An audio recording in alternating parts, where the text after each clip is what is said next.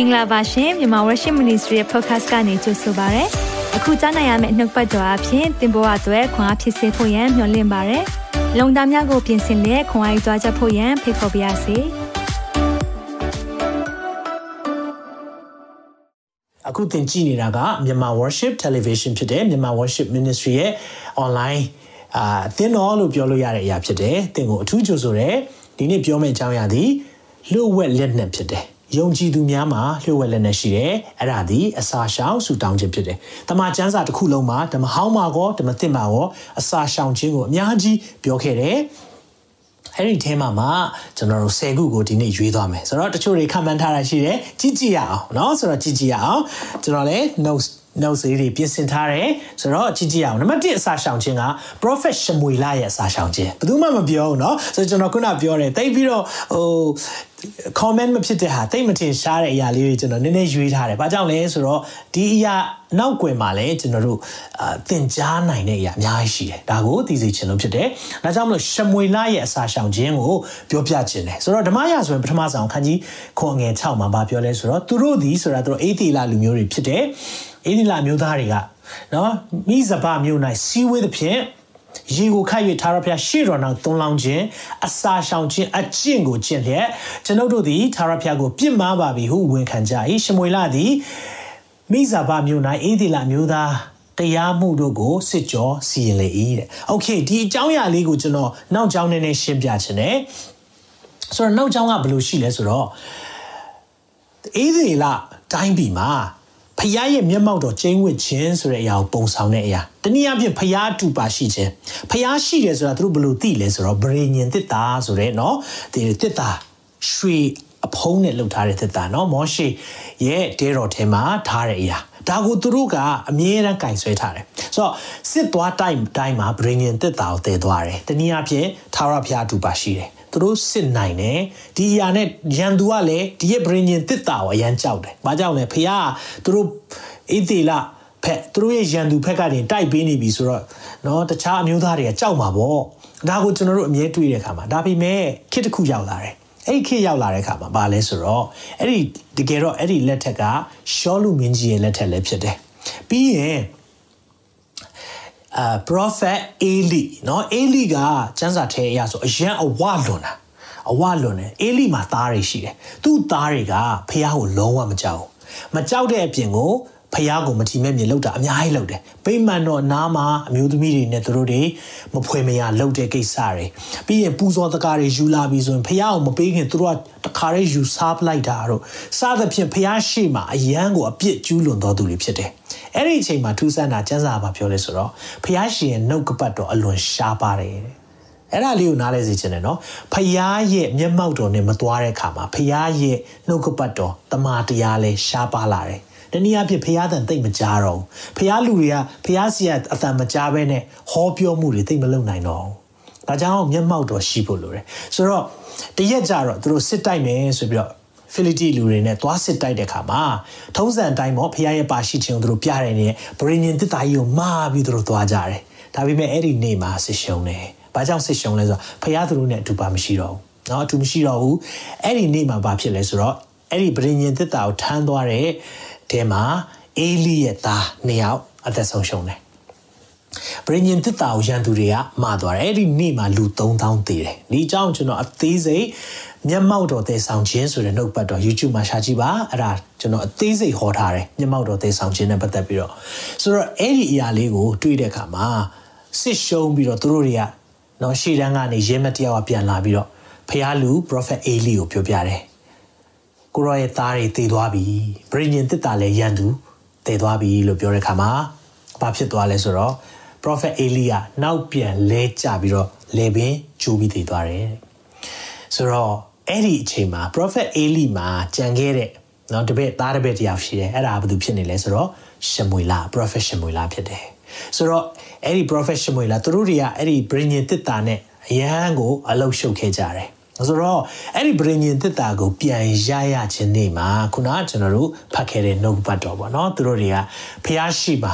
တောင်းပန်ဝင်ချပြီးတော့ဖျားမျက်မှောက်တော်ကိုမထီမဲ့မြင်ပြုတ်ခဲ့တဲ့အတွက်အစာရှောင်တာဖြစ်တယ်ဒါကိုနားလဲစေခြင်းတယ်ဒါကြောင့်မလို့ရှမွေလရဲ့အစာရှောင်ခြင်းကဘာကိုပြောချင်တာလဲဆိုတော့ဖျားမျက်မှောက်တော်နဲ့ဝေးကွာနေတဲ့သူတွေဖျားမျက်မှောက်တော်ကိုမကြောက်ရွံ့တဲ့သူတွေကိုနောင်တတရားဆွဲခေါ်ဖို့နောင်တရစေဖို့ဖျားနဲ့ပြန်လည်မိတ်ဆက်ပေးတဲ့ချိန်မှာ အစာရှောင်တာဖြစ်တယ်။ဒုနည်း၎င်းမဲ့ယုံကြည်သူတွေရဲ့အသက်တာမှာသူသဖြင့်ကိုယ့်ရဲ့ဇနီးတွေပြောင်းလဲစေချင်လားကိုယ့်ရဲ့ခင်မွန်းတွေပြောင်းလဲစေချင်လားဒါဆိုရင်ဘာလုပ်ဖို့လွယ်လဲအမြဲတမ်းအစာရှောင်ဖို့လိုတယ်ဖခင်ရဲ့မျက်မှောက်တော်ကိုသူတို့နဲ့ ပြန်ပြီးရှိဖို့တနည်းအားဖြင့်ယုံကြည်သူဖြစ်လာဖို့เนาะဒါတွေကိုကျွန်တော်တို့လှုပ်ဆောင်တဲ့အခါမှာအစာရှောင်ဖို့လိုတယ်ဆိုတာကိုနားလည်စေချင်တယ်အာမင်နံပါတ်1ချက်သွားရအောင်ဒါကတော့မုတ်ဆုမဤအစာရှောင်ခြင်းเนาะကျွန်တော်အသိပြီးမထင်ရှားတဲ့အစာရှောင်ခြင်းလေးတွေအကြောင်းကိုဒီနေ့မှာတမင်တက်တက်ကိုရွေးပြီးတော့ပြောထားတာဖြစ်တယ်ဘာကြောင့်လဲဆိုတော့အဲ့ဒီထဲကနေကျွန်တော်သင်ကြားစရာများစွာရှိတယ်เนาะဆိုတော့မုတ်ဆုမရဲ့အစာရှောင်ခြင်းကိုဓမ္မရာဇဝင်တတိယဆောင်ဆက်ခွန်အငယ်6ကနေ16မှာပြောထားပါတယ် တင်ထလောဇီးတုံပြီးဇာရတမြို့သို့သွား၍နေလောထုံမျိုးနိုင်နေသောမုတ်ဆုမတယောက်သည်တင့်ကိုကျွေးမှုမိအကြောင်းငါမှထားပြီးမုတ်ဆုမကိုဘုရားပြောထားပြီးသားဘုရားလူလာမယ်ကျွေးမွေးလိုက်ပါမိန့်တော်မူသည့်အတိုင်းအေလိယသည်ထား၍ဇရတမြို့သို့သွား၏မြို့တကားသို့ရောက်သောအခါမုတ်ဆုမသည်ထင်းခွေလျက်နေ၏အေလိယကငါတောက်ဆရာကြီးအနေငယ်ကိုခွက်နဲ့ယူခဲ့ပါလောဟုဟေ့၍ဆို၏ရေသွားခတ်ပေးပါတဲ့ မိမသည်လည်းရေကိုယူချင်းကသွားစဉ်တွင်တဖန်ဟစ်၍မုတ်တစ်ဖက်ကိုလည်းတင်းလက်နိုင်ယူခဲ့လောဟုဆိုပြန်တယ်။သွားနေရင်တန်လန်ဟေးမုတ်လည်းယူလာခဲ့အောင်ပြောလိုက်တယ်တဲ့။အဲ့ဒီမှာအမျိုးသမီးကပြန်ပြောတဲ့ဟာကျွန်တော် highlight လုပ်ထားပါတယ်။မိမကတင်းဖျားသခင်သာရဖျားအသက်ရှင်တော်မူသည့်အတိုင်းဖျားသက်ရှင်တဲ့အတိုင်းပဲပြောမယ်မုံပြားတပြားမှမရှိဘူးဘာမှမရှိဘူးအိုးထဲမှာမုံညက်လက်တဆုပ်ဆာဆိုဂျုံနော်မုံညက်ဆိုတာသူတို့မုံလုတ်တဲ့ဂျုံမုံပေါ့ နည်းနည်းပဲကြံတော့တယ် flower เนาะဆိုတော့ဘူးနိုင်စီနင်းငယ်ဘူးနိုင်စီလေးနည်းနည်းပဲရှိတယ်ကျမနဲ့သားအဖိုးဖုတ်ရွေးစားလို့တော့ငါ၎င်းစားပြီးရင်သေလို့တော့ငါ၎င်းထင်းစားနှစားကိုယခုခွေတယ်အခုထင်းခွေတာလေတကယ်တော့ကျွန်တော်ဒါစားပြီးရင်သေတော့မှာတိတ်ကိုဒီအရာကြည့်တဲ့အခါမှာကြည်ခွဲစရာရဲ့ ကြည့်တဲ့အခါမှာလည်းဖះလူကအာမနာရှာမကြိုပြောသလိုလည်းဖြစ်နေတယ်ဒါပေမဲ့အကြောင်းရှိတယ်ကျွန်တော်သိစေချင်တယ်နော်ဒီနေ့ဒီနှုတ်ကပတ်တော်ကိုကြည့်တဲ့အခါမှာရုပ်တရက်ကြည့်လိုက်ရင်တော့တဘာဝသိမကြဘူးဘာကြောင့်လဲတဘာဝလွန်ဖះအလုံးလုံးတော့မဲဆိုတာကိုဆက်ပြီးတော့တွေးရတယ်ဆိုတော့နောက်ပိုင်းကိုဆက်ကြည့်တဲ့အခါမှာအေလိယကလည်းမစိုးရိမ်နဲ့မစိုးရိမ်နဲ့စိတ်ဘူးနဲ့တင်းဆိုရီတိုင်းတွားလို့ဟုပြောတွားရပြုလို့ ကဲတွားလုံးလိုက်ပါတို့ရရင်ငါအဖို့မုံပြားငယ်တပြားကိုအရင်လှုပ်ရွယူခဲ့လောပြောချင်တဲ့သဘောကအေးမင်းတို့တာမီတွေထင်းခွေပြီးတေးမယ်ဆိုလဲတေးဆိုတဲ့သဘောလိုမျိုးဖြစ်နေတယ်အဲ့လိုပြောတာမဟုတ်ဘူးเนาะဆိုတော့တွားလုံးလိုက်တွားလုံးလိုက်တွားငါပြောတဲ့အတိုင်းအရင်လုံးလိုက်ပါเนาะမင်းပြောလဲပြောပေါ့ဒါပေမဲ့တွားလုံးလိုက်အဲ့လိုပြောတာဖြစ်တယ်နောက်မှသင်နေသင်ဤတားငယ်အဖို့လှုပ်လောပြီးကြမှာပဲဩအဲ့ဒါ prophetic word အဲ့ဒီမှာ prophetic word ထွက်လာပြီเนาะဆိုတော့ကြိုပြီးတော့ဖះလူကဖះအလုံးလုံးမဲ့အရာကို သိတယ်အေဒီလာအမျိုးဖះခင်ထာရဖះမိန်တော်မူသည်ကထာရဖះသည်မြေပေါ်မှာမိုးရွာစေတော်မမူမီတိုင်အောင်အိုးနိုင်ရှိသောမုံညက်မကုံဘူးနိုင်ရှိသောစီမရော့ရအောင်မိန်တော်မူကြောင်းကိုစင်ဆို၏ဖះပြောတာကပြောမယ်နော်ဖះပြောထားတဲ့စကားရှိတဲ့ခါမှာဖះလူကလည်းခိုင်းရတာဖြစ်တယ်ဒါရန်ရေးကြည့်တယ်နော်သူ့မှာကဲကဲကဲသူတကူကောင်းဆန်ဆန်နဲ့တောင်းတာမဟုတ်ပဲနဲ့ဖះပါလုပ်မလဲဆိုတာကိုသိစေချင်တယ်ဒါပေမဲ့ဒီမုတ်ဆိုးမအနေနဲ့ကြည်ရအောင်သူပါလုပ်လိုက်ရလဲ အဲ့ဒီဟက်သူစာရှောင်လိုက်ရတယ်နော်ဆိုတော့ရှောင်ကျင်လွန်းလို့တော့မဟုတ်ဘူးဖះလူကိုသူကကျွေးမွေးခြင်းလို့ဖြစ်တယ်တနည်းအားဖြင့်ဘာကိုသိစေလဲဆိုတော့သူတပားရဲ့လိုအပ်ချက်အတွက်ဖြည့်ဆည်းပေးတဲ့အခါမှာအစာရှောင်တယ်ဒီအကြောင်းအရာနဲ့ပတ်သက်ပြီးကျွန်တော်ကျွန်တော်မိတ်ဆွေတယောက်ရှိတယ်အားလုံးသိကြမှာထင်တယ်เนาะဒေါက်တာဆက်ဆာဆိုတာအာကျွန်တော်2010 2017ပတ်ဝန်းကျင်လောက်မှာကျွန်တော်ရလန်ဒန်မှာအာကျွန်တော်တို့ အရန်ခင်ခဲ့ကြတဲ့မိတ်ဆွေတွေဖြစ်တယ်ဆိုတော့သူပြောပြတဲ့အရာလေးတခုကျွန်တော်တအားခွန်အားရပြီးတော့တကယ်လဲလက်တွေ့မှာကျင့်သုံးတဲ့အရာလေးတခုကဘာလဲဆိုတော့ तू က Sunday နေ့တိုင်းမှာအဲ့ဒီတော့အကြောင်းတက်တဲ့ချိန်မှာအစာရှောင်နေတဲ့စာရှောင်တဲ့အခါမှာတဲ့ तू တရက်မှာအဲ့ဒီ Sunday နေ့မှာမုတ်ဝယ်စားမဲ့ဒါမှမဟုတ်ဟင်းချက်စားမဲ့ငွေကြေးကိုစုလိုက်ပြီးတော့တဲ့မစားနိုင်တဲ့သူတွေကိုပေးလိုက်တယ်တဲ့ဒါဟာအစာရှောင်ခြင်းကအရန်ကိုဘုရားနှစ်သက်တဲ့အစာရှောင်ခြင်းဖြစ်သွားတာဒါကြောင့်မလို့လည်းဘုရား အများကြီးရှင်းနောက်တောင်မြောက်ကမထင်မှတ်တဲ့ကောင်းကြီးတွေเนาะဒီຢာတွေကျွန်တော်တို့မြင်တွေ့ရတာဖြစ်တယ်ဆိုတော့အခုဆိုရင်လိုင်လိန်ပြည်နယ်ဆိုတာတကယ်ကိုကားတော်မှာကောင်းကောင်းမရောက်တဲ့နေရာမှာလေရင်ကွင်းမှာရှိတော့မယ်ဖះကလေအမှုပြုတယ်ဒါပေမဲ့ကျွန်တော်လှုပ်ဝက်ချက်ကိုတည်သွားတယ်သူ့ရဲ့ဖခင်အရန်ဆူတောင်းတယ်လို့သူကိုယ်တိုင်လည်း အစာရှောင်တဲ့အခါမှာခုနဒီမုတ်ဆုမရဲ့အစာရှောင်ခြင်းနဲ့တော်တော်လေးစင်ပါတယ်။သူတပားရဲ့ဆန္ဒပေါ့နော်သူတပားအတွက်လိုအပ်ချက်ကိုဖြည့်ဆည်းပေးဖို့ရန်အတွက်သူကချိုးချံချွေတာလိုက်တာ။အဲ့ဒီအစာရှောင်ခြင်းဖျားနှစ်သက်တယ်။ကြည့်တဲ့အခါမှာအာအငယ်15မှာဒီလိုပြောပါတယ်ထိုမုတ်ဆိုးမသည်တွား၍အေလိယစကားအတိုင်းပြုသဖြင့်အေလိယနှင့်တကွာကိုယ်တိုင်မှဆက်၍အိမ်သားတို့သည်အမ် အဲဒီမှာအင်တန်ကာလပတ်လုံးစားရကြ၏ထာဝရဘုရားသည်အေလိယအားဖြင့်မိန့်တော်မူသောစကားအတိုင်းအိုး၌ရှိသောမုံညက်မကုံဘူး၌ရှိသောစီမယောစီမကုံတော့ဘူးမယောတော့နမိတ်လက္ခဏာဖြစ်သွားတယ်။ဘာကြောင့်လဲမုတ်ဆိုးမရဲ့အစာရှောင်ခြင်းသူရှောင်လိုက်ရတယ်ဆိုတာစားဖို့ထပ်မရှိတော့လို့လို့ဖျားလူကိုပေးလိုက်ရလို့နော်ဒါကိုနားလဲစိတ်ချင်တယ်ဒါပေမဲ့ကျွန်တော်တခုတော့ဒါအကြောင်းကိုပြောပြချင်တယ်အာကျွန်တော်ငယ်တော့က ဖျားလူတချို့ပေါ့နော်ဖျားလူလို့ပြောတဲ့သူတချို့အိမ်လာဘူးတယ်လာဘူးတဲ့အခါမှာဒီရဲ့နှုတ်ကပတ်တော်နဲ့လာပြီးတော့ကျွန်တော်တို့ကိုပေးကမ်းမှာလှုပ်သွားတယ်အဲ့လိုလုပ်တဲ့အခါမှာကျွန်တော်တို့စိတ်ထဲမှာတော့ဩဖျားနှုတ်ပတ်တော်နဲ့လာတယ်ဆိုတော့ပေးကမ်းမိသွားတယ်ဒါပေမဲ့ဘာဖြစ်သွားလဲဆိုတော့သူတို့တွေကတကယ်တော့ဖျားလူဆိုတာထက် စီးပွားရေးရှာတဲ့သူတွေဖြစ်နေတတ်တယ်။ဒါကြောင့်လည်းယုံကြည်သူများနားလဲစေချင်တယ်เนาะတကယ်ဖျားလူကြရင်တော့ဖျားအတန်ကိုကြားလို့ဖျားကောင်းကြီးပေးမယ်ဆိုတာသိထားလို့သာလုပ်ရတာဖြစ်တယ်။ဒါပေမဲ့တချို့လူတွေလည်းလူနှုတ်ကပတ်တော်တွေယူပြီးတော့လုပ်တာမျိုးရှိတယ်။ဒါမျိုးတွေလည်းမမှန်ကန်ဘူးဆိုတာလည်းကျွန်တော်ဒါလေးကိုလည်းပြောပြချင်တယ်။ဒါကြောင့်ဖျားနာမနဲ့လာတိုင်းတော့လေကျွန်တော်တို့တွေအလွယ်တကူလက်ခံဖို့မဟုတ်ဘဲနဲ့သူ့ရဲ့เนาะ အသီးကိုကြည့်ရင်အပင်ရဲ့သဘောကိုတွေ့ရမှာဖြစ်တယ်အာမင်ဒါကိုပြောပြချင်တယ်ကဲနံပါတ်3ကိုတွားရအောင် နော်ဆိုတော့အေဇရာအကြောင်းဘယ်သူမှမပြောဘူးနော်နေဟမိတွေ့လိုက်တယ်နော်ဆိုတော့မနေ့ကကျွန်တော်နေဟမိအကြောင်းပြောတယ်ဒီနေ့အေဇရာရဲ့အစာရှောင်ခြင်းကနေကျွန်တော်ဘာသိယူနိုင်မလဲချက်လောက်ကြည့်အောင်နော်အေဇရာမဆာအေဇရာဘယ်သူလဲဆိုရင်နော် he's a faithful teacher လို့ပြောလို့ရတယ်သစ္စာရှိသောအာ rabbi နော် teacher rabbi ဆိုတာတော့နှုတ်ပတ်တော်သင်ကြားတဲ့အမှုတော်ဆောင်ပေါ့နော်ဆရာဖြစ်တယ် faithful teacher သစ္စာရှိသောဆရာဖြစ်တယ်ဆိုတော့တကယ်ကိုဖခင်ရဲ့နှုတ်ပတ်တော်တွေကိုသင်ပေးတော်သူဖြစ်တယ်ဒါကိုတွေ့ရတယ်ဆိုတော့ Israel မတ်စာအငယ်အခန်းကြီးရှေ့အငယ်21ကနေ23မှာဒီလိုပြောပါရယ်ထိုအခါဥစ္စာမစ၍တငယ်များနဲ့တကွာငါတို့တွားရလမ်းမှန်သောလမ်းကိုဘုရားသခင်ရှေ့၌ရှာ၍ရှေ့တော်မှာချိုးချံစွာကျင့်ခြင်းကအဟာဝမျက်နာတွင်အစာရှောင်ရခြင်းကိုငါကြော်ညာ၏တဲ့သူဘာကြောင့်အဲ့လိုကြီးညာလဲဆိုတာကျွန်တော်ပြောပြချင်တယ်ဆိုတော့အိဇရာရဲ့ ဘဝလေးကိုနည်းနည်းတချို့နားလည်အောင်ပြောချင်တယ်เนาะဆိုတော့သူတို့အကြောင်းလေးတွေကကျွန်တော်ဥမာဒါဝိမင်းကြီးတို့လိုမျိုး အာနော်ဒါမှမဟုတ်ရင်ရှမွေလာတို့စသဖြင့်ဒီလိုဖျားလူတွေအကြောင်းလူမျိုးတိတ်မကြားဖူးကြဘူးနော်ဆိုတော့ဟိုအိဇရာရဲ့အကြောင်းကတော့သူကတော့ဒီပေရတိရှင်ဘုရင်ပေါ့နော်အာကုရုကုရုမင်းကုရုမင်းရဲ့လက်ထက်မှာရှိတာဆိုတော့ဖျားကအေဒီလာတိုင်းပြည်ကိုဖျားအရန်ကောင်းကြီးပေးခဲ့တဲ့အချိန်ရှိခဲ့တယ်နော်ရှောလူမင်းဒါဝိတ်ပြီးရင်ဒါဝိတ်ရဲ့သား အာရှောလမန်နော်ရှောလမန်မင်းကြီးလက်ထက်ပြီးတာနဲ့အဲ့ဒီမှာတိုင်းပြည်ကစကွဲပြီးတော့တချို့ဘယင်တွေကဖျားနောက်လိုက်တာရှိတယ်ပြီးရင်တချို့ဘယင်တွေကရုပ်တုစင်တုနဲ့ဒီမမှန်ကန်သောကိုးကွယ်မှုတွေလုပ်တဲ့အခါမှာတိုင်းပြည်ကအစင်ပြေလိုက်အစင်မပြေလိုက်ကြာဆင်းလိုက်တိုးတက်လိုက်အဲ့လိုပဲဖြစ်နေရင်တန်းလန့်နဲ့ဘသူကလာတိန်သွားလဲဆိုတော့ နေဘုခနေစာနော်ဘာဘူးလုံဘာဘူးလုံနေကလာပြီးတော့တင်သွားတယ်အဲ့ဒီမှာဗိမာန်တော်ထဲကရွှေတွေရောအကုန်လုံးတင်သွားတယ်နော်အဲ့ဒါအချိန်မှာဘသူတွေပါသွားလဲဆိုတော့ဒန်ယေလာတို့သူတငယ်ချင်းတွေရှာဒရက်မီရှက်ဘက်ဒနီဂေါတို့နော်ယေရမီတို့ကျွန်တော်တို့အဲ့အဲ့ဒီကျွန်တော်တို့တီးခဲ့တဲ့လူတွေအများကြီးတော်တော်များများကနော်ဒီထဲမှာကျွန်တော်တို့အဲ့ဒီအဖွဲ့ထဲမှာပါသွားတယ်နော်ဆိုတော့အိဇရာတို့သူတို့တွေကသူတို့တွေကတကယ်တော့ဟိုငယ်ပြီးတော့ထူးချွန်တဲ့သူတွေကိုပဲရွှေးပြီးတော့ တုံပန်းအနေနဲ့ခေါ်သွားတာပြီးရင်သူတို့ကိုအဲသူတို့နိုင်ငံမှာပြန်ပြီးအမှုထမ်းခိုင်းတာဒါပေမဲ့ဒန်ယေလဆိုရင်တော်တော်ကိုဝင်ကြီးချုပ်အဖြစ်ကိုအလုပ်လုပ်ခဲ့တယ်အာ Bible scholar ရဲ့အဆိုအရဆိုရင်တော့မင်း40လောက်ထိအလုပ်လုပ်တယ်ဆိုတော့သူကဘာဘူးလုံးမင်းပဲမဟုတ်ပဲね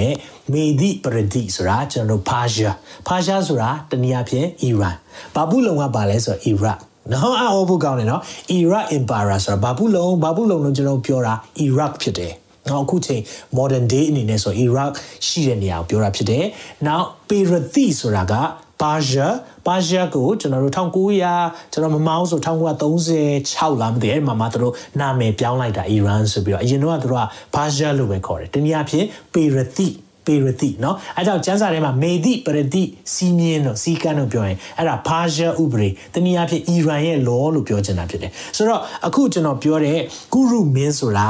အီရန် yes အဲဘာရှာမင်းဖြစ်တယ်เนาะဘာရှာဆိုတာကအီရန်ဖြစ်တယ်ဆိုတော့ तू ကအဲ့ဒီမှာဘာလုပ်ပေးလိုက်လဲဆိုတော့နေဘုခနေဇာမင်းလက်ထက်ကနေသိမ်းလာတဲ့ဗိမာန်တော်တွေကသိမ်းလာတဲ့ပစ္စည်းတွေပါထုတ်ပေးပြီးတော့မင်းတို့ပြန်သွားပြီးတော့ဗိမာန်တော်တည်ပါနော်မျိုးရိုးပြန်တိဆောက်ပါစသဖြင့်ပြန်လွှတ်လိုက်တယ်အဲ့မှာကျွန်တော်တို့ရွှေငွေထောင်တောင်းနေနဲ့သွားကြတာ ਉ နော်ဆိုတော့အများကြီးသွားတဲ့အခါမှာလန်ခီမှာရန်သူတွေရဲ့ တန်ရာတွေအဲရန်သူတွေတိုက်ခိုက်မဲ့အရာတွေအာဒီအတားအဆီးတွေရှိနိုင်တယ်ဒါတွေကိုကျွန်တော်တို့ကသိတဲ့အခါမှာသူတို့ကဒီမှာအစရှောင်ရအချိန်ကြီးညာတယ်ဆိုတာနားလည်စေချင်တယ်เนาะဒါဆက်ဖတ်ကြည့်အောင်ငွေ22မှာအကြောင်းမူကား ကျွန်တော်တို့ဘုရားသခင်ကိုရှာတော်သူပေါင်းတို့သည်တကိုးကျေးဇူးတော်ကိုခံရကြလိမ့်မည်ကိုရောကိုစွန့်တော်သူပေါင်းတို့ကိုတကိုးတော်စီးတာ၍အမျက်တော်တက်ရောက်လိမ့်မည်ဟုငါတို့သည်ရှင်ပြန်အားလျှောက်ထားသောကြောင့်လမ်းတွင်ရန်သူနှင့်လွတ်စေခြင်းကနော်သူတို့အဲ့ဒါကိုနားလေစေခြင်းနဲ့လမ်းတွင်ရန်သူနှင့်လွတ်ဖို့တော့နော်နောက်ပြီးတော့မြင်းစည်းသူရဲ့တတ်တွေအဲ့ဒါတွေသူတို့ရှင်ပြန်ကိုမ ထပ်မတောင်းရဲတော့ဘာလို့ဆိုတော့ပေးတာများပြီလေအဲ့ဒီမှာတို့ကထိုမှုကြောင့်ငါတို့ဒီအစာရှောင်ရွေးတယ်เนาะဆိုတော့အစာရှောင်ပြီးတော့ငါတို့ငါတို့ဖျားသခင်ကိုဆုတောင်းလဲနေဖျားသခင်လည်းနားထောင်တော်မူ၏အာမင်ဒါလေးကိုနားလဲစေချင်တယ်မိတ်ဆွေအမှုရောက်တော့မယ်ကာကွယ်ခြင်းအရာเนาะဆိုတော့ဖျားရဲ့အိမ်တော်ပြန်တည်ဆောက်ဖို့ဒီလမ်းခီးမှာတွားတဲ့ခါမှာဖျားရဲ့ပို့ဆောင်ခြင်းရှိဖို့အစာရှောင်ဆုတောင်းတယ်ဒါလေးကိုကျွန်တော်တို့ဣဇရာအဖြစ်သင်ယူရတယ်အာမင်ဒါလေးကိုနားလဲစေချင်တယ်เนาะ problem တွေပြဿနာတွေတက်ပြီးဟိဆိုရင်ဘယ်လိုဖြေရှင်းမလဲအစားရှောင်ပါအာမင်နောက်ပြီးရင်ကျွန်တော်တို့ဝင်တားထိုင်းရတယ်အခုဆိုရင် तू ကရွှေငွေပစ္စည်းတွေနဲ့သယ်ပြီးတော့ပြန်သွားရမယ်အဲ့ဒီဝင်ကြီးဘယ်လောက်လေးမလဲနော်ဆိုတော့လန်ခီမှာထားပါတော့အာဓမြတွေကတည်သွားပြီဆိုရင်အေးအိစရာနဲ့အဖွဲ့တည်သွားတာလေသူတို့ကြောင့်ပါသွားတာဗိမာန်တော်တောင်ပြန်မဆောက်နိုင်တော့ဘူးမြို့ရိုးတောင်မတင်နိုင်တော့ဆိုရင်ဘယ်လောက်ကြားရတာ ဆိုးမလဲဆိုတော့သူလည်းတော်တော်လေးအဲ့ဒီဝင်နဲ့တော်တော်ပြီတယ်ဆိုတော့ကျွန်တော်မိတ်ဆွေကိုဒီနေ့အကြံပြုချင်တယ်တင်းအလုပ်ထဲကနေဝင်နေအများများနေလားတင်းမှာ work related stress ဆိုရဲအရာတွေရှိနေလားကိုပိုင်စီးပွားရေးမှစ၍ဒီရဲ့ဝင်နေအများများနေတယ်ဆိုရင်တော့ကျွန်တော်အကြံပြုချင်ပါတယ်အိစရာရဲ့အစာရှောင်ခြင်းကိုကျွန်တော်တို့သင်ခန်းစာယူရအောင်အာမင်ဒီဝင်တွေကိုဖခင်ကကူပြီးတော့ ထမ်းပေးမယ်ဒါကြောင့်လည်းပြောပါရယ်မာသဲ7:28မှာဝင်လေး၍ပင်ပန်းသောသူပေါင်းငါထံသို့လာကြလောငါသည်ချမ်းသာပေးမယ်အာမင်ဘုရားကကျွန်တော်တို့ကိုချမ်းသာပေးဖို့အစဉ်သင့်ရှိတယ်ဆိုတာကိုသိစေချင်ပါတယ်လို့ဟုတ်ပြီနော်ဟုတ်ပြီကျွန်တော်အေးဒရာရဲ့အစာရှောင်ခြင်းအကြောင်းကိုနံပါတ်၄ခုမြောက်အနေနဲ့ပြောချင်ပါတယ် ဧဒရာရဲ့အစာရှောင်ခြင်းကကြတော့ဘာလဲဆိုတော့ဧဒရာရဲ့ဇလန်းကလည်းအရင်စိတ်ဝင်စားဖို့ကောင်းတယ်ကျွန်တော်လည်းညနေကဒီအကြောင်းအရာကိုပြန်လဲစဉ်းစားပြီးတော့ဇလန်းပေါ့နော်ဇက်ရှိန်တက်သွားတယ်ဆိုတော့ဧဒရာကဧဒရာအကြောင်းလဲပြောပြခြင်းတယ်ဆိုတော့ဒီမှာ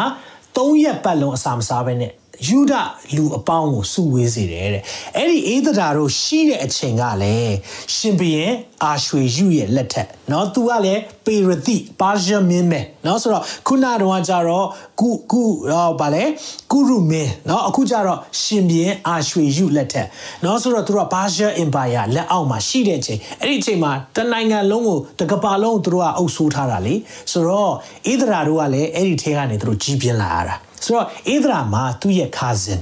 ဝင်ခွဲအကိုတယောက်ရှိတယ်မော်ဒဂဲเนาะမော်ဒဂဲလို့ခေါ်တယ်ဆိုတော့သူတို့ကဂျူးလူမျိုးဖြစ်တယ်ဖះကိုတည်တယ်ဆိုတော့အဲ့ဒီမှာတနေ့ကျတော့ရှင်ပြန်အာရွှေယူကနန်းတော်မှာပွဲတွေပေးပြီးတော့သူလဲဝိုင်းနေတောက်ပြီးတော့နည်းနည်းတမျှမျှလေးဖြစ်နေတဲ့အချိန်မှာသူ့အမျိုးသမီးကအရန်လှတယ်ပေါ့နော်မိဖုရားဝါရှာတီလို့ခေါ်တယ်နော်ဆိုတော့ဝါရှာတီမျိုးသမီးကမိဖုရားကအရန်လှပါတယ်ဆိုတာဂုံသတင်းကြော်စောတဲ့ခါမှာသူကလည်းအာငါမိန်းမကို ကြွားမယ်ပေါ့အဲ့လိုပုံစံမျိုးနဲ့သူကလည်းမူးမတ်တွေရှိတဲ့နေရာမှာအေးသွားခေါ်ပါဦးငါရဲ့မိဖုရားကိုလို့ပြောတဲ့ခါမှာမိဖုရားကလည်း तू ကလည်း तू ကတတ်တတ် तू ကလည်းပွဲလုံနေတာဆိုတော့မလာနိုင်ဘူးလို့ပြောတဲ့အခါမှာအယမ်းစိတ်တူပြီးတော့ဒီလိုမျိုးမလေးမစားလုပ်တာဆိုတော့မိဖုရားမိဖုရားနေရာနေဖယ်လိုက်တာအဲ့ဒီအချိန်မှာ तू ကလည်းစိတ်တွေပြန်ပြေတော့ तू ကမိဖုရားမရှိတော့အဲ့ဒါနဲ့ မူမတ်တရားလဲကဲမိဖုရားဒီပြန်ပြီးတော့ရှာရအောင်လို့လုပ်တဲ့အချိန်မှာအဲ့ဒီမှာအေးသတာเนาะ तू ကအစင်းလာတယ်လို့ပြောတယ်လိမ္မာကြီးချရှိတဲ့အခါမှာ तू လဲမိဖုရားလောင်းအနေနဲ့ဝင်ပြီးတော့နော်ပါခွင့်ရတာပေါ့နော်ဒီပြိုင်ပွဲလိုမျိုးပေါ့နော်ဖေဘရင်ကကြိုက်တဲ့လူရွေးမဲ့အထင်မှာပါခွင့်ရတာပေါ့နော်အဲ့လိုမျိုးပါခွင့်ရတဲ့အခါမှာ သူ့ရဲ့ cousin အာ model ကဲကြတော့ဘာလုပ်လဲဆိုတော့နန်းတော်နန်းတော်တကဆောင်ဖြစ်တယ်เนาะဆိုတော့သူကတကားဆောင်ရတယ်ဆိုတော့အဲ့လိုမျိုးဒါပေမဲ့သူတို့ကအမျိုးတော်တာတော့သူတို့ကဂျူးလူမျိုးဖြစ်တယ်ဆိုတော့သူတို့မပြောဘူးဒါပေမဲ့เนาะဒီပေ ပေပေရတိဘယင်ပေါ့နော်ဖာရှားဘယင်အီရန်ဘယင်ကိုသူတို့ကအဲ့ဒီအချိန်မှာတော့တကယ်ကိုအလုပ်ကျွေးပြုနေတဲ့နန်းတော်ထဲမှာအစီခံနေတဲ့သူတွေဖြစ်တယ်နော်ဆိုတော့အဲ့ဒါဇလန်လေးကိုပြောပြတာနော်ဒါပေမဲ့အဲ့ဒီဇလန်ဒီတိုင်းပဲမဟုတ်ပဲအော်ဘယင်မဖြစ်သွားတယ်စသဖြင့်မဟုတ်အဲ့ဒီမှာအာဟိုပြဿနာနော်ရှိတာကဘာတူလဲဆိုတော့အဲဟာမန်ဆိုတဲ့နော်လူတစ်ယောက်ဖြစ်တယ်ဟာမန်ကဘာလဲဆိုတော့ तू က ရှင်ဘရင်ကရှင်ဘရင်ရဲ့လူယုံပေါ့နော်ဆိုတော့သူကမူးမတ်တီထက်ရာထူးကြီးတာပေးတယ်ဆိုတော့တနည်းအားဖြင့်ဝင်ကြီးချုပ်သဘောမျိုးပေးတာပေါ့ဆိုတော့သူလာပြီးဆိုအားလုံးကဝုပြုကိုးကွယ်ကြတာပေါ့နော်သူ့ကိုဥညွတ်ပြီးဘောင်းပေးကြတယ်ပေါ့အဲ့ဒီမှာဖြစ်ချင်တော့နန်းတော်တကစားမော်ဒကယ်ဂျူးလူမျိုးอ่ะသူလာပြီဆိုဘယ်တော့မှသူ့ကိုဘောင်းမပေးတော့ဘာလဲဟာလူတိုင်းကငါလာတယ်ဆိုရင်เนาะပေးတယ်ရှစ်ခိုးကြတယ်ဘာလို့မပေးတာလဲဆိုတော့ ငါအသက်ရှင်တဲ့ဖះကိုပဲကိုးကွယ်တယ်ဒါကြောင့်မလုပ်ပြရစေနဲ့ဆိုတာအညှိုးထားတယ်เนาะဆိုတော့အညှိုးထားပြီးတော့ဘလို့လို့ဒုက္ခပေးရမလဲဆိုတာပဲကြံစီတယ်ဘလောက်အထိလုပ်လဲဆိုတော့ဟုတ်ပြီဒီဒီအဖွဲနဲ့လူမျိုးတွေလူမျိုးတုံးတပ်တပ်ဖြတ်ဖို့အထိသူကစဉ်းစားတယ်အဲ့ဒီအချိန်မှာယူရလူတွေဆိုတာဂျူးတွေအားလုံးကိုတတ်ဖို့ကြံတယ်တော့အော်ဖို့ကောင်းတယ်ခေတ်ဆက်ဆက်ပါလေဖះလူမျိုးတွေကိုလေမျိုးတုံးတပ်ဖြတ်ဖို့အမြဲတမ်းစာတမ်းကြံလေးရှိတယ်နော် အံ့ဩဖို့ကောင်းတယ် Holocaust လို့ကျွန်တော်သိတဲ့เนาะဒီနာဇီဂျာမနီကတတ်တဲ့အခါမှာလဲတန်ပေါင်း6တန်းကျော်တတ်ခံရတယ်เนาะဆိုတော့အစုလိုက်အပြုံလိုက်ကိုတတ်ခတ်ခြင်းကိုလေတကယ်အဲ့လိုတတ်ဖြတ်ခြင်းကိုခေတ်ဆက်ဆက်ဖះလူမျိုးတွေကကြုံရတယ်။ဘာကြောင့်စာတန်းသိမ့်မုံတာပေါ့။เนาะဒီလူမျိုးတွေကိုမုံတယ်အသက်ရှင်တဲ့ဖះကိုကိုးကွယ်တဲ့လူမျိုးမုံတဲ့အခါမှာလောက်ကျန်တယ်။ဆိုတော့လူမျိုးတုံးတပ်ဖြတ်မဲ့အရန်အန်ဒီရီရှိတဲ့အခါမှာ နော်ဇလန်ကိုကျွန်တော်တို့အတူချုံပြောရမယ်ဆိုရင်အေဒရာကဘယင်မကြီးဖြစ်နော်ရွေးချယ်ခံရတယ်အဲ့ဒီမှာနောက်ဆုံးသူကကဲဘယင်ဘယင်ကလည်းဒီကိစ္စကိုချွန်ဟိုလူယုံကပြောလာပြီဆိုတော့ तू လည်းနားမလဲဘူးလေဖြစ်ချင်တော့ तू ကအေဒရာကောမော်ဒကဲကောအာ तू သူ့ဘေးနားမှာရှိတဲ့သူတွေကဂျူးလူမျိုးယူရလူဖြစ်တယ်ဆိုတာလည်းသူကမသိဘူးဖြစ်ချင်တော့တစ်ခေါက်မှာမော်ဒကဲကသူက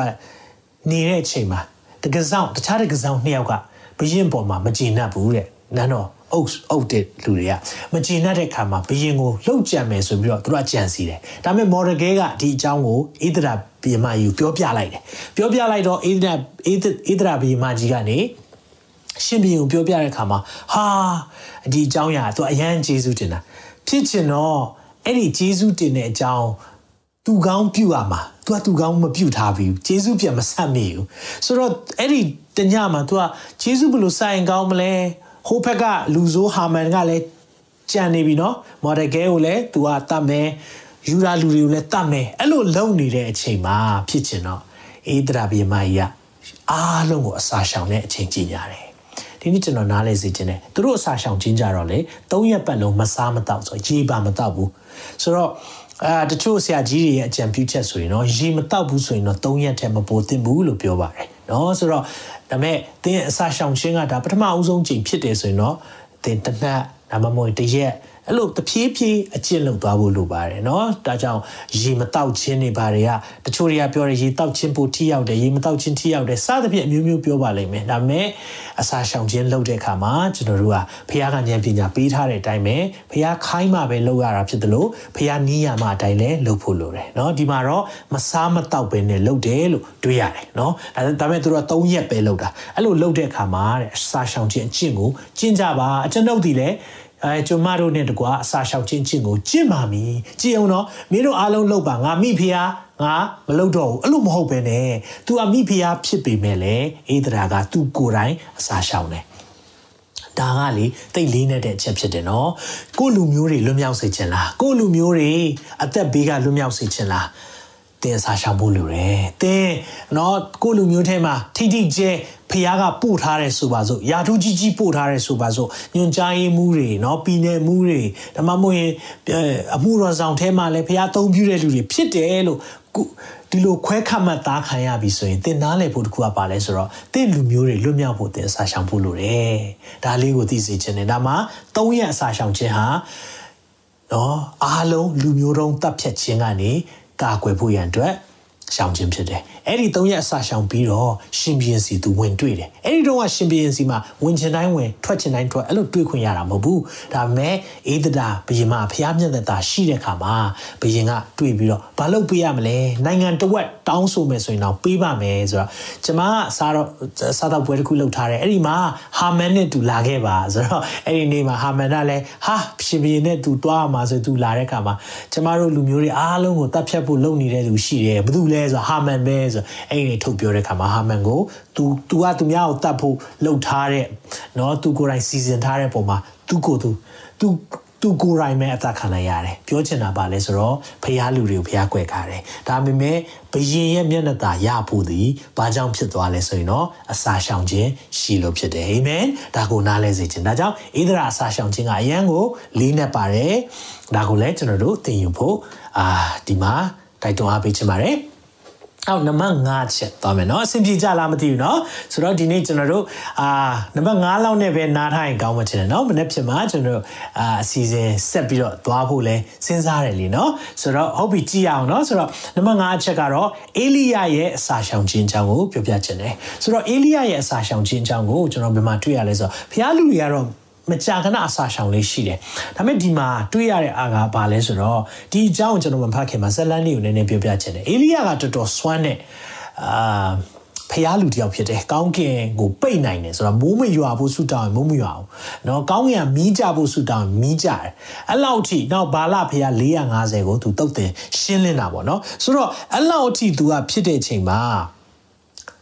ဘာဖြစ်သွားလဲဆိုတော့တရက်မှာ तू ပါလဖះကိုကိုးကွယ်တဲ့ prophet တွေနဲ့သူနဲ့ပြိုင်ကြတယ်နော်ဆိုတော့ကောင်းကင်ကမီးကြတဲ့သူကအနိုင်ရမယ်ဆိုတော့ပြိုင်တဲ့အချိန်မှာကောင်းကင်ကနေသူ့ရဲ့ရစ်ပလင်မှာမီးကြတဲ့အခါမှာသူကပါလပါလဖះကိုကိုးကွယ်တဲ့နော် prophet 450ကိုအဲ့ဒီနေ့မှာတုတ်တင်ရှင်းလင်းပလိုက်တယ်ဆိုတော့အဲ့ဒီတုတ်တင်ရှင်းလင်းတဲ့သတင်းကိုဘသူကကြားသွားလဲဆိုတော့ အာယေနော် Jezebel နော် Queen Jezebel ဆိုတာအာယေဇဗေလနော်ယေဇဗေလကတော့ထိန်းချုပ်ခြင်းမှာတော်တော်လေးနာမည်ကြီးတယ်သူ့ရဲ့အမျိုးသားကအာအေဟက်ပေါ့နော်အာဟက်အာဟက်မင်းကြီးမနေ့ကကျွန်တော်အာဟက်အကြောင်းနည်းနည်းလေးပြောတယ်နော်ဆိုတော့အာဟက်ကအာဟက်ကိုသူကနည်းနည်းချင်းချောက်လိုက်တဲ့အခါမှာသူနောင်တရတယ်ဒါပေမဲ့ဒီတစ်ခေါက်မှကျတော့ယေဇဗေလကပြောပြီးနင့်ကိုငါတတ်မယ်နော်လို့ပြောလဲပြောရော အယမ်းကြောက်တယ်တဲ့ဖတ်ကြည့်ရအောင်နော်ထိုအခါအေလိယသည်ကြောက်သဖြင့်ဓမ္မရာဆိုရင်တတိယဆောင်ခန်းကြီး7ငွေ3ကနေကိုထိုအခါအေလိယသည်အလွန်အေလိယသည်ကြောက်သဖြင့်ထား၍အသက်လွတ်အောင်ယူဒခရိုင်ဗေရရှိဘမြို့သို့သွား၏ထိုမြို့၌ကျွန်ုပ်ကိုထားခဲ့၍သူကိုယ်တိုင်သည်တောသို့တနေ့ခီးသွားပြီးလင်ရတန်ပင်အောက်သို့ရောက်၍ထိုင်လေထိုအခါကိုယ်အသက်တည်ရမည့်အကြောင်းဆုတောင်းလျက်သာရဖျား အခုတမ်းပါ၏အကျွန်ုပ်အသက်ကိုသိမ်းယူတော်မူပါအကျွန်ုပ်ဒီဘိုးဘေးတို့ထက်သာ၍မကောင်းပါဘူးမိတမ်းပြီလေရတန်ပင်အောက်မှာအိပ်ပျော်၏တဲ့ကြည်အောင်အခုပဲဖျားရဲ့တကူးတွေကိုအကြီးကျယ်ကောင်းကင်ကနေမီးကြပြီးတော့ဆွမ်းဆွမ်းနိုင်တယ်အဲ့လိုဆုတောင်းနိုင်တဲ့ prophet ဖျားသိပ်သုံးတဲ့ဖျားလူအခုအမျိုးသမီးတယောက်ကသူ့ကိုမင်းကိုတတ်မယ်နော်လို့ပြောတာ ਨੇ ပြေးတာ ဆိုတော့ယူရခရိုင်မှာဆိုရင်တွားတဲ့အခါမှာ तू ကတကယ်တော့မြို့တောင်မှတော်တော်လေးကိုနိုင်ငံမှာဆိုရင်တောင်နဲ့မြောက်အဲ့လောက်ထိကိုပြေးတာအဝေးကြီးပြေးသွားတာအဲ့တော့မှမပြီးသေးဘူးသူ့ရဲ့တပည့်ကိုထားခဲ့ပြီးတော့တောကိုတနေ့ကြီးထပ်သွားသေးတယ်ကြောက်လွန်းလို့အဲ့လိုသွားတဲ့အခါမှာ depression ဝင်သွားတယ်ပြောချင်တာဖိစီးမှုဖြစ်တယ်ဒီနေ့ကျွန်တော်နားလဲစီချင်တယ်အပူတော်ဆောင်နေဒီမှာလဲကြည့်လိုက်ပါဦးသိခြင်းစိတ်ရှိတယ်တဲ့နော် ကျွန်တော်တတ်လိုက်ပါတော့ဖရာသခင်ကျွန်တော်ပြီးပါပြီတဲ့ဒီလိုမျိုးအခြေအနေတွေရှိတတ်တယ်ဒါကြောင့်ကျွန်တော်တို့နားလဲစီချင်တယ်ဖရာအမှုတော်ဆောင်နေပုံမှာကျွန်တော်တို့အမြဲတမ်းလေဆူတောင်းကောင်းကြီးပေးဖို့လိုတယ်သူတို့လည်းလူသားဖြစ်တဲ့အခါမှာမကြသေးခင်ကပဲကိုကိုတတ်တည်သွားတဲ့အာအမှုတော်ဆောင်နေနော်အမေရိကမှာတရားဥပဒေတယောက်တွေ့တဲ့အခါမှာစိတ်မကောင်းဖြစ်တယ်ဆိုတော့တင်သိလားမသိဘူးတနင်္လာနေ့ရောက်တိုင်းနဲ့တနင်္လာနေ့ရောက်တိုင်းအမှုတော်ဆောင်ကနေနားကျင်တဲ့ သင်းအုပ်ဆရာပေါင်း85ရာခိုင်နှုန်းလောက်ရှိတယ်တဲ့သင်းအုပ်ဆရာ85ရာခိုင်နှုန်းမှာ Sunday ပြီးပြီး Monday တိုင်းမှာအမှုတော်ဆောင်လောကကြီးနားကျင်တယ်တဲ့ဘာကြောင့်လဲလူတွေကအရန်ကိုဖိစီးတဲ့အရာတွေเนาะပြောဆိုတာဆိုတော့ကျွန်တော်အလုပ်မှာဆိုတတိယကိုသိမပြောရဲဘူးဒါပေမဲ့ဘုရားကျောင်းမှာဆိုဆရာတွေကိုပြောရဲတယ် ဒါလည်းလေအမင်္ဂလာရမ်းဖြစ်တဲ့အရာတွေဒါကိုကျွန်တော်တို့နားလည်စေချင်တယ်เนาะဒီမှာလဲ depression ဝင်သွားတယ် ဆိုတော့ဖះလူဖြစ်ပေမဲ့သူလဲကြောက်ပြီးတော့ပြေးပြီးတော့အခုလိုတွေ့တဲ့အခါမှာစိတ်မကောင်းဘူးဒါပေမဲ့ဖះကလေသူနဲ့အလုံးလုံးချင်သေးတယ်နော်ဒါကိုကျွန်တော်ပြောပြချင်တာဖြစ်တယ်သူနဲ့အလုံးလုံးချင်သေးတဲ့အခါမှာဘာဆက်လုပ်လဲဆိုတော့ဆက်ကြည့်အောင်ထို့အခါကောင်းကင်တမန်ကနော်ဆိုတော့အိပ်ပြောတဲ့အခါမှာကောင်းကင်တမန်ကသူ့ကိုလာနှိုးတယ်နှိုးပြီးတော့ထား၍စားလောဟုသူ့ကိုတို့လျက်ဆိုပြီးအေလိယသည်မျှော်ကြည့်သောအခါ မီးနဲ့ဖုတ်သောမုံပြားနဲ့ခေါင်းရင်း၌ရေဘူးရှိသည်ကိုမြင်၍စားတော့ပြီးတဖန်အိပ်ပျော်သွားသူအယံပင်ပန်းသွားတယ်ထင်ပါတယ်မုံပြားတစ်ပြားလေးစားတယ်ရေတောက်ပြီးတော့ပြန်အိပ်သွားတယ်အဲ့ဒါနဲ့အငယ်ခွန်မှာကြည့်တဲ့အခါမှာသာရဖျားကောင်းကင်တမန်ဒုတိယအချိန်လာနောက်တစ်ခေါက်ထပ်လာတယ်သူ့ကိုတို့လျက်သွားရမည်ခီးသည်အလွန်ဝါသောအလွန်ဝေးသောကြောင့်ထ၍စားလို့ဟုဆိုသည့်အတိုင်းအေလိယသည်ထ၍စားတော့ပြန်ဟာအဲ့ထစားနှခါစားတယ်နော်အဲ့ဒါနဲ့ကြည့်တဲ့အခါမှာနောက်ဆုံးမှာထိုအစာအာဟာရကိုအမိပြု၍ မုံနှစ်ချက်ပဲစားရနော်ရေတောက်ထားတယ်ဆိုတော့မုတ်နှစ်ချက်နဲ့ထိုအစာအာဟာရကိုအမိပြု၍အရက်40ခီးသွား၍ဖျားသခင်နဲ့ဆိုင်တော့ Horret Town Horret Town ဆိုတာမောင်ဆိုင်နိုင်เนาะဆိုတော့အဲ့ဒီမှာရောက်တဲ့ဖြင့်ဥမင်ထဲသို့ဝင်၍နေ၏တဲ့เนาะဆိုတော့အဲ့ဒီမှာရောက်တဲ့အခါမှာဖျားနဲ့ဆိုင်တဲ့เนาะတိနာတောင် Horret Town เนาะဒါကျွန်တော်တို့သိတယ်တိနာတောင်သွားတာဆိုတော့အရက်40တောင်မှ तू အဲ့ဒီအစားလေးပဲစားထားပြီးသွားတာ ပြောချင်တာပါလေဖခင်ကကိုယ့်ကို assignment ပေးတဲ့အခါမှာအဲ့ဒီအရာကိုသင်အစားစားပြီးမှမဟုတ်ပဲနဲ့ဖခင်ခွန်အားနဲ့သွားနိုင်တယ်ဆိုတာသိရတယ်အာမင်သူ့အနေနဲ့ကြီးလိုက်တဲ့အခါမှာအေလိယနဲ့အများကြီးသင်ယူရတယ်ဘာသင်ယူရလဲဆိုတော့ဖခင်ကသူနဲ့အလုပ်လုပ်ချင်တဲ့အခါမှာသူ့ကိုဂျေဇုတော်နဲ့မဆာတယ်ဒါကိုမြင်တဲ့အခါမှာ तू လဲ तू तू အစာရှောင်ခြင်းက तू က depression ဝင်ပြီးရှောင်နေတာလေဘာမှမစားနိုင်မတော့နိုင်နေတဲ့အချိန်မှာ तू တေဖို့ပဲစောင့်နေတာဒါပေမဲ့ ဖះကောင်းကင်မှာနှစ်ခါတောင်လွတ်တယ်မုံပြားပဲပေးတာနော်ရေတောက်ခိုင်းတယ်ဒါပေမဲ့အဲ့ဒီခွန်အားနဲ့ရက်40ထိုအစာအာဟာရကိုအမိပြုတယ်ဒါပဲစားပြီးတော့ तू သွားနိုင်တယ်ဖះခွန်အားပေးတာအဲ့ဒီမှာဘာဆက်တွေ့ရလဲဆိုတော့ဘာကြောင့်ဒါတွေကိုရှောင်စီချင်တာလဲကျွန်တော်ပြောပြမယ်အေလိယရဲ့အစာရှောင်ခြင်းကြတော့ဘာကိုကိုစားပြုလဲဘာအတွက်ရှောင်တင်လဲဆိုရင်ဒီရဲ့အဲဒီခီးစဉ်မှာဘာဆက်ဖြစ်လဲဆိုတော့ဖះကသူ့ကိုလေအေလိရှဲနောက်လူတယောက် လက်လွဲဖို့ဒီရဲ့သာသနာပေါ့နော်ဒီအမှုတော်မြတ်ထဲကိုဆက်သွားဖို့ရန်မွေးထုတ်ဖို့ကြီးစဉ်ဖြစ်လာတယ်နောက်ဒါပဲမဟုတ်ပဲနဲ့ तू ကဖះကိုပြောတယ်လေကိုတော့ကိုတော့ကိုပဲကိုးကွယ်တာကျွန်တော်တယောက်ပဲရှိတော့တယ်ကိုတော့ကိုတိတာကျွန်တော်တယောက်ပဲရှိတော့တယ်အားလုံးဘာလဖះကိုကိုးကွယ်ကုန်ပြီလို့ပြောတဲ့ခါမှာဖះကလေ prophet 9000ဘာလဖျားကိုဝစ်ပြုကိုးကွယ်ခြင်းမရှိသေးတဲ့ prophet 9000ရှိသေးတယ်ဆိုပြီးတော့သူ့ကိုပြန်ပြီးတော့ပြောပြရတယ် ပြောချင်တာပါလဲဆိုတော့ဒီနေ့ဖျားကလေတင်းနဲ့အလုပ်လုပ်ခြင်းသေးတယ်တင်းကိုတင်းရဲ့စက်ကတ်ခြင်းတင်းရဲ့အစာရှောင်ခြင်းဖះကို serious ထားတဲ့အရာပေါ်မှာဖះကနောက်ပါဆက်လုပ်ရမလဲဆိုတဲ့အရာကိုဖွင့်ပြလေရှိတယ်အာမင်ဒါကြောင့်မလို့အေလိယရဲ့အစာရှောင်ခြင်းကိုကျွန်တော်ကြည့်တဲ့အခါမှာဒီအရာလေးကိုတွေ့ရှိရတယ်ဒါကြောင့်မလို့ကျွန်တော်ဒီအရာလေးတွေတိတ်မထင်ရှားဘူးเนาะဒါပေမဲ့ဒီနေ့ပြောသွားတာပါလဲဆိုရင်တော့ဖះကတင်းနဲ့အလုပ်လုပ်ခြင်းသေးတယ် တင်တဲ့အကြံစီရှိသေးတယ်။ဒါကြောင့်မလို့ဖျားခွန်အားပေးလိုက်မယ်။တင် depression ဝင်နေလားတော့မသိဘူး။ဒီအချိန်မှာစိတ်ဖိစီးနေလားတော့မသိဘူး။မိသားစုတွေဘာဆက်လုပ်ရမှန်းမသိဘဲနဲ့လမ်းပြောင်းနေကောင်းပြောင်းနေလိမ့်မယ်။ဒါပေမဲ့ဖျားကလေဒီနေ့မှာတင့်ကိုခွန်အားပေးဖို့ ဝိညာဉ်စာဒီနေ့ပြင်ဆင်ပေးနေတာဖြစ်တယ်ဟာလေလုယာကျွန်တော်ယုံကြည်တယ်သင်ဟာယုံကြည်ရတဲ့ဘာလည်းမသိဘူးဆိုပြီးတော့ဝင်ကြည့်ကောင်းကြည့်မိလိမ့်မယ်ဒီ program ကိုကြည့်မိတဲ့အချိန်မှာပဲဖခင်ကသင်ကိုဒီနေ့ဝိညာဉ်စာကျွေးနေပြီသင်ဆက်သွားရမယ်အာမင်သင်ဆက်လက်ပြီးတော့ရှေ့ဆက်သွားပါဖခင်ရဲ့ခွန်အားနဲ့ဆက်သွားပါဖခင်သင်ကိုမဆာပို့ဆောင်လိုက်မယ်ဟာလေလုယာ တင်ခုလိုနာဆင်ခွန်အားနိုင်ခြင်းဟာမြန်မာ Worship Ministry ကိုလာဆင်ပန်ပိုးနေကြတဲ့ Kingdom Partners များကြောင့်ဖြစ်ပါတယ်။ဖျားခင်နိုင်ငံတော်ကျယ်ပြန့်ရေးအတွက်လာဆင်ပေးကမ်းပောင်းဖို့ရန်ဖိတ်ခေါ်လိုပါတယ်ရှင်